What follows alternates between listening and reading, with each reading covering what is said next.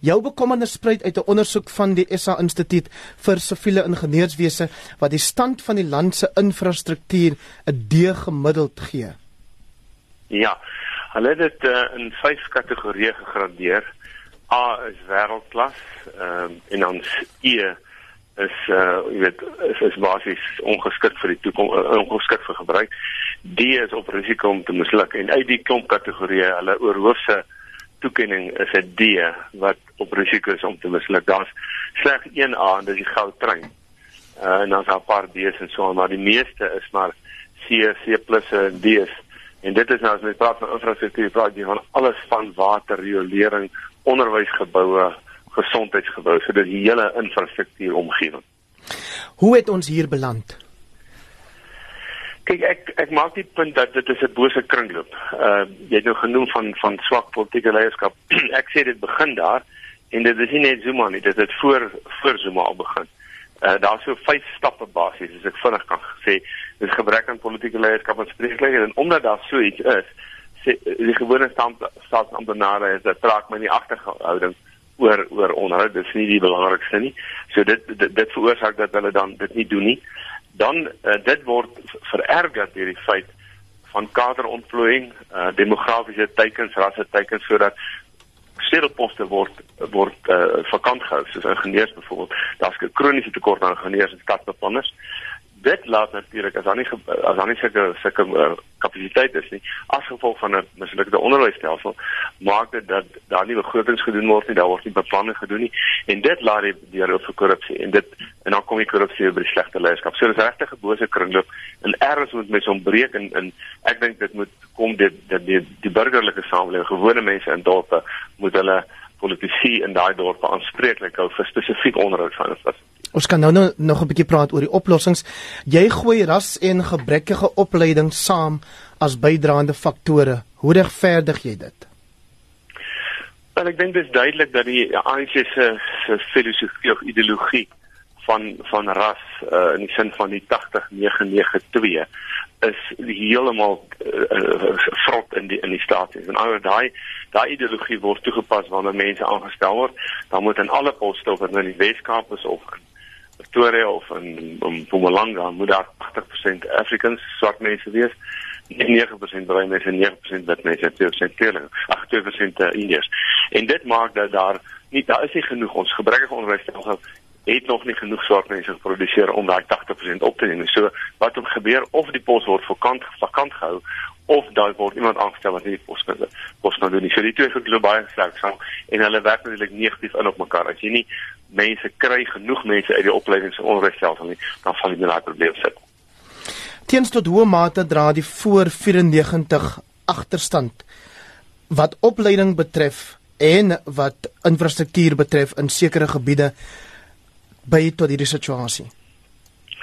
Kyk ek, ek kom ek sê we praat oor opleiding en onderwys eerste. Dit was na 94 wat die opleiding in die land uh, eintlik tot tot stilstand gekom het, veral vakleerlingopleiding en dit was 'n kombinasie van die private sektor wat opgehou oplei en die staat wat opgehou oplei. So ek dink dis dis 'n post 94 situasie. Tweedens die mense kan wel sê dat daar was seker uh, sekere dinge wat geërf is. Maar as mens vir 23 jaar aan bewind is, dan kan mens nie meer 23 jaar gelede sê ons matriek sal vandag ons graad 1 of ons graad 3 sal vandag lyn nog steeds onder apartheid. Dit is dit is net nie haalbaar nie. Ek dink as mens kyk nou hoe min uh hoe min word gedoen om nuwe skole te bou, die infrastruktuur begrotings van onderwysdepartemente word nie eers volledig gebruik nie. Hoe swak is opleiding ensovoorts ensovoorts dan kan ons ongelukkig nie die verlede hiervoor kritiseer nie.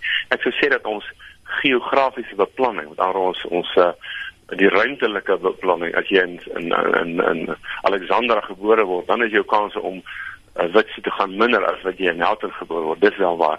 Maar hierdie is 'n probleem wat na 94 ontstaan het. Teens maar daarom ook goeie nuus. Jy het verwys daarna vroeër die goudtrein kry 'n A in hierdie opname of ondersoek ja. wat hierdie instituut vir siviele ingenieurswese gedoen is. Kyk, die goeie ding wat ons sê is dat ons het soos met ons beleid in die land, het ons van die beste beleid in die wêreld. Ek sê baie keer hulle is soort van, jy weet, Rolls-Royce beleide in 'n Land Rover omgewing. Ehm um, maar wat ons doen, ons gaan vir die beste in die wêreld, ons bou die beste, maar ons onderhou dit nie. Daar was onlangs 'n storie in die in die oor die Oos-Kaapse Gesondheidsdepartement wat ek dink 200 ambulanses wat gaan nie werk nie. Nou koop hulle 400 nuwe. Maar ek kan of jy sê oor 2 jaar as hulle goed nie onderhou nie, gaan hulle ook stukkend wees. So dit dis die dis die dis die kultuur van onderhoud waar waar waar hierdie verslag dit het. Dis nie dat die, goed goed nie goed gebou word en nie goed gekoop word nie. Maar dis die kultuur van onderhoud. Nou die goudtrein word basies privaat bedryf. Dis hoekom ek dink hy's hy's op 'n standaard net met geld maak terwyl openbare geboue openbare infrastruktuur word baie maal nie aan daardie maatstaf van die private sektor van goeie onderhoud uh jy weet dit word nie as 'n finansiële bate en as 'n openbare bate beskou nie. Jy skryf in die Ewe de Klerk stigting se nuusbrief en ook op netwerk 24 hierdie moeilikheid kry nie al die aandag wat dit verdien nie want ons is vasgevang in daaglikse onthullings oor byvoorbeeld staatskaping en korrupsie en ek reken na gister kan jy seker ook byvoeg kabinetskommelings. Ja kyk hierdie hierdie uh, verslag van Saike het omtrent ongesien verbygegaan. Ek dink daar was een berig in op op op netwerk 24 klein. En dit is eintlik die stil dood. Ek ek noem dit ook dit maak ons bietjie vir bietjie dood. Jy weet jy kry dis amper asof jy kry hier 'n storm en die storm ruk hier 'n boom om. Maar die reismure onder die grond is besig om daar om meer as een boom se wortels gewoon op te vreet. En ek dink dit besef mense nie want dit is nie dis nie sensasionele nie. Jy weet dis dis 'n stadige gif en ek is daaroor kom ons gaan op 'n dag opstaan en ons het nie die infrastruktuur meer nie en ons het nie meer die geld om dit te vervang nie. Dit kos baie meer om 'n nuwe pad te bou oor 10 jaar as om nou elke tweede jaar ordentlike onderhoud te doen. Nou, ek dink dis dis die noem dit maar die die die gewone dinge wat ons nie doen nie. Natuurlik die ander goed is belangrik en die ander goed is baie sensasioneel en en ontsaglik onderwekkend. Maar ek dink ons moet ons oog maak vir hierdie stille dood onder ons. So wat staan ons te doen gewone mense in gewone poste in gewone strate van gewone dorpe? Kyk, ek het gesê mense kan dit nou nie op jou eie alleen doen nie. Ek dink mense moet by gemeenskapsorganisasies aansluit. Ek dink in die noorde is organisasies Afriforum doen goeie werk, daar's in die suide ook ander organisasies wat dit doen.